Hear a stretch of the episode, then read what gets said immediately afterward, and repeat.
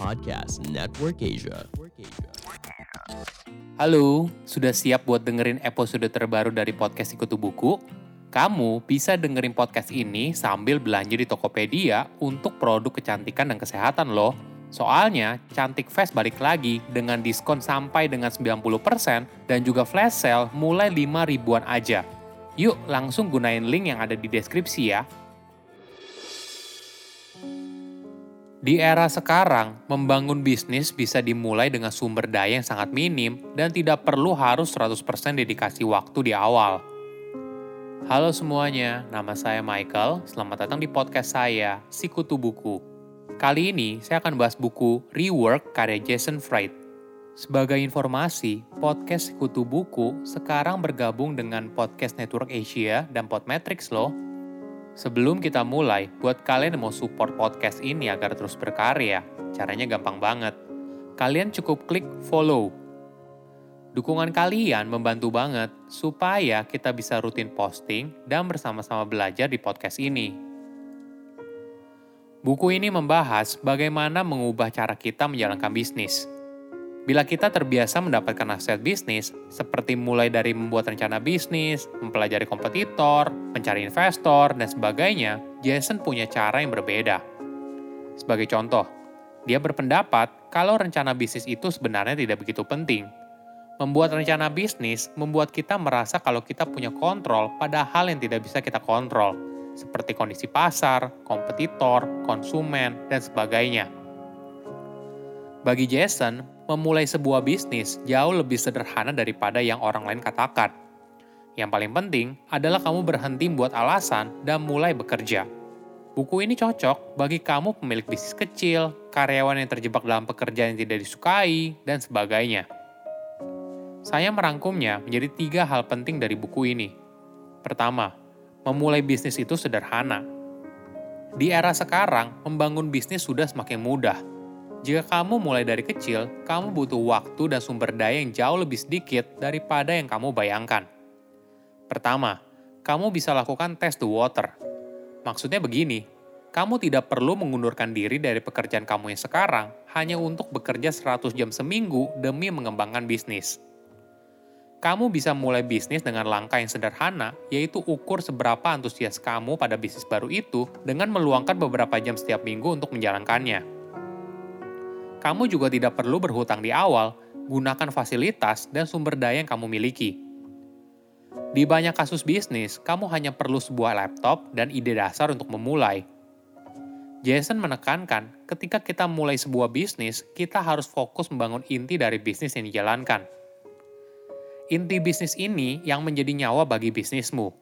Sebagai contoh, hotdog yang enak adalah inti dari sebuah bisnis hotdog Mungkin kadang sebuah inti bisnis tidak terlihat secara gamblang. Misalnya begini, inti dari bisnis Amazon di awal bukanlah menjual buku, tapi layanan pengiriman yang cepat, harga terjangkau, dan pilihan yang luas. Buku hanyalah produknya, tapi inti bisnis tadi yang disampaikan merupakan alasan kenapa orang mau membeli di awal. Jika inti bisnis kamu sudah siap, maka kamu bisa segera meluncurkan bisnis yang kamu miliki kamu tidak perlu semua aspek bisnis berjalan sempurna, semua itu bisa dikerjakan di kemudian hari. Hal lain yang penting saat membangun bisnis adalah kamu harus tahu apa yang penting buatmu. Jika kamu menjalankan sebuah bisnis, pilihlah bisnis yang kamu cintai.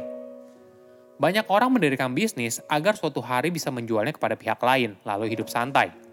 Ini sama saja menjalin hubungan dengan orang lain dengan tujuan untuk putus di kemudian hari. Tentu saja ini tidak masuk akal. Bisnis itu ibarat menjalani sebuah hubungan. Kamu butuh kecintaan dan komitmen dalam menjalankannya. Menjual apa yang kamu percayai juga merupakan cara yang ampuh dalam menarik konsumen dan fans setia. Sebagai contoh, Finish Up Shop di Chicago, mereka tidak menjual sandwich lagi di sore hari karena roti tersebut sudah tidak lagi segar mengingat dibuat saat di pagi hari. Walaupun tentu saja menutup toko lebih awal berarti mereka akan kehilangan pendapatan tambahan dari penjualan sandwichnya. Tapi hal ini lebih baik daripada mereka kehilangan konsumen setia karena mereka tidak menjalani visi mereka di awal, yaitu menjual sandwich yang segar. Kedua, kecil itu baik. Banyak pengusaha ingin bisnisnya buru-buru menjadi besar. Namun, dalam kondisi bisnis yang kecil, ternyata punya keunggulan tersendiri.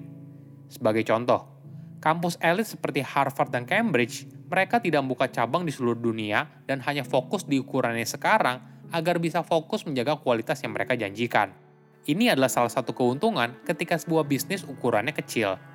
Selain itu, kamu juga bisa berinteraksi langsung dengan konsumen dan memahami permintaan serta masukan mereka. Di perusahaan besar, hal ini tentu saja sangat kompleks dan sulit. Namun perlu diingat, walaupun bisnis yang kamu jalani masih kecil, tapi itu adalah sebuah bisnis dan harus menghasilkan keuntungan untuk bisa bertahan. Hal ini disebabkan banyak startup fokus mengembangkan bisnis dengan menghabiskan uang investor tanpa memikirkan keuntungan perusahaan itu bukanlah sebuah bisnis, tapi hanya sebuah hobi dari pemiliknya saja. Seorang pengusaha harus bangga saat bisnisnya masih kecil. Jason menekankan, jangan berkomunikasi layaknya perusahaan besar. Bisnis kecil harus berkomunikasi yang lebih personal dan jujur. Contohnya begini, jika perusahaan besar suka menggunakan jargon kalau mereka adalah perusahaan yang transparan dan menerapkan good governance yang kuat, maka sebagai pebisnis kecil, kamu cukup bilang kalau kamu adalah pebisnis yang jujur. Hal ini akan jauh lebih mengena kepada target konsumen. Mereka akan lebih percaya dengan apa yang kamu katakan, daripada kamu sibuk meniru cara komunikasi perusahaan besar. Ketiga, meningkatkan produktivitas karyawan. Apakah produktif sama dengan jam kerja yang panjang? Ini tentunya anggapan kuno dan harus diubah. Karyawan yang produktif punya kehidupan di luar pekerjaan. Oleh karena itu, mereka bekerja keras agar bisa pulang tepat waktu Karyawan yang sering bekerja hingga larut malam bahkan bisa merusak produktivitas anggota tim, karena membuat karyawan lain menjadi merasa bersalah. Ini adalah mispersepsi di dunia kerja. Banyak atasan masih menganggap kalau timnya bekerja hingga larut malam adalah tim yang berdedikasi tinggi dan bekerja paling baik. Namun hal ini malah tidak tepat. Karyawan yang sering lembur merupakan karyawan yang tidak bisa bekerja dengan efisien dan mampu mengatur waktunya dengan tepat. Cara yang lebih baik untuk menjaga produktivitas adalah menghilangkan gangguan ketika bekerja. Sebagai pemilik bisnis, kamu harus memastikan kalau setiap anggota tim punya waktu untuk bekerja tanpa diganggu. Gangguan yang paling buruk tentu saja meeting. Apalagi kalau meeting yang dibuat tanpa punya agenda yang jelas dan pesertanya hanya mendengarkan saja. Musuh lain dalam meningkatkan produktivitas adalah berusaha menjadi sempurna jika kita terlalu sibuk mencari solusi yang sempurna selama berminggu-minggu, hal ini justru malah kontraproduktif. Untuk menjadi produktif, carilah solusi yang bisa mencapai efek maksimal dengan usaha yang minimal. Ibaratnya, cukup baik justru lebih baik daripada sempurna. Namun, aktivitas merekrut karyawan hanya dilakukan ketika kamu butuh, jangan ketika bertemu orang yang terlihat hebat. Keunggulan bisnis kecil adalah struktur organisasinya sedikit, Hal ini tentu saja akan meningkatkan efisiensi. Jason menyarankan kita jangan terlalu fokus pada apa yang tertulis di CV calon karyawan. Namun yang jauh lebih penting adalah apa yang bisa mereka lakukan. Tentu saja, interview sebanyak apa pun tidak akan bisa membuat kita tahu apakah orang tersebut bisa mengerjakan pekerjaannya dengan baik atau tidak. Oleh karena itu, di beberapa perusahaan biasanya ada tes lanjutan berupa presentasi atau proyek kecil. Dalam menjalankan bisnis, apa yang kamu lakukan lebih penting daripada apa yang kamu pikirkan atau rencanakan di awal. Saya undur diri, jangan lupa follow podcast Sikutu Buku. Bye-bye. Pandangan dan opini yang disampaikan oleh kreator podcast, host, dan tamu tidak mencerminkan kebijakan resmi dan bagian dari podcast Network Asia.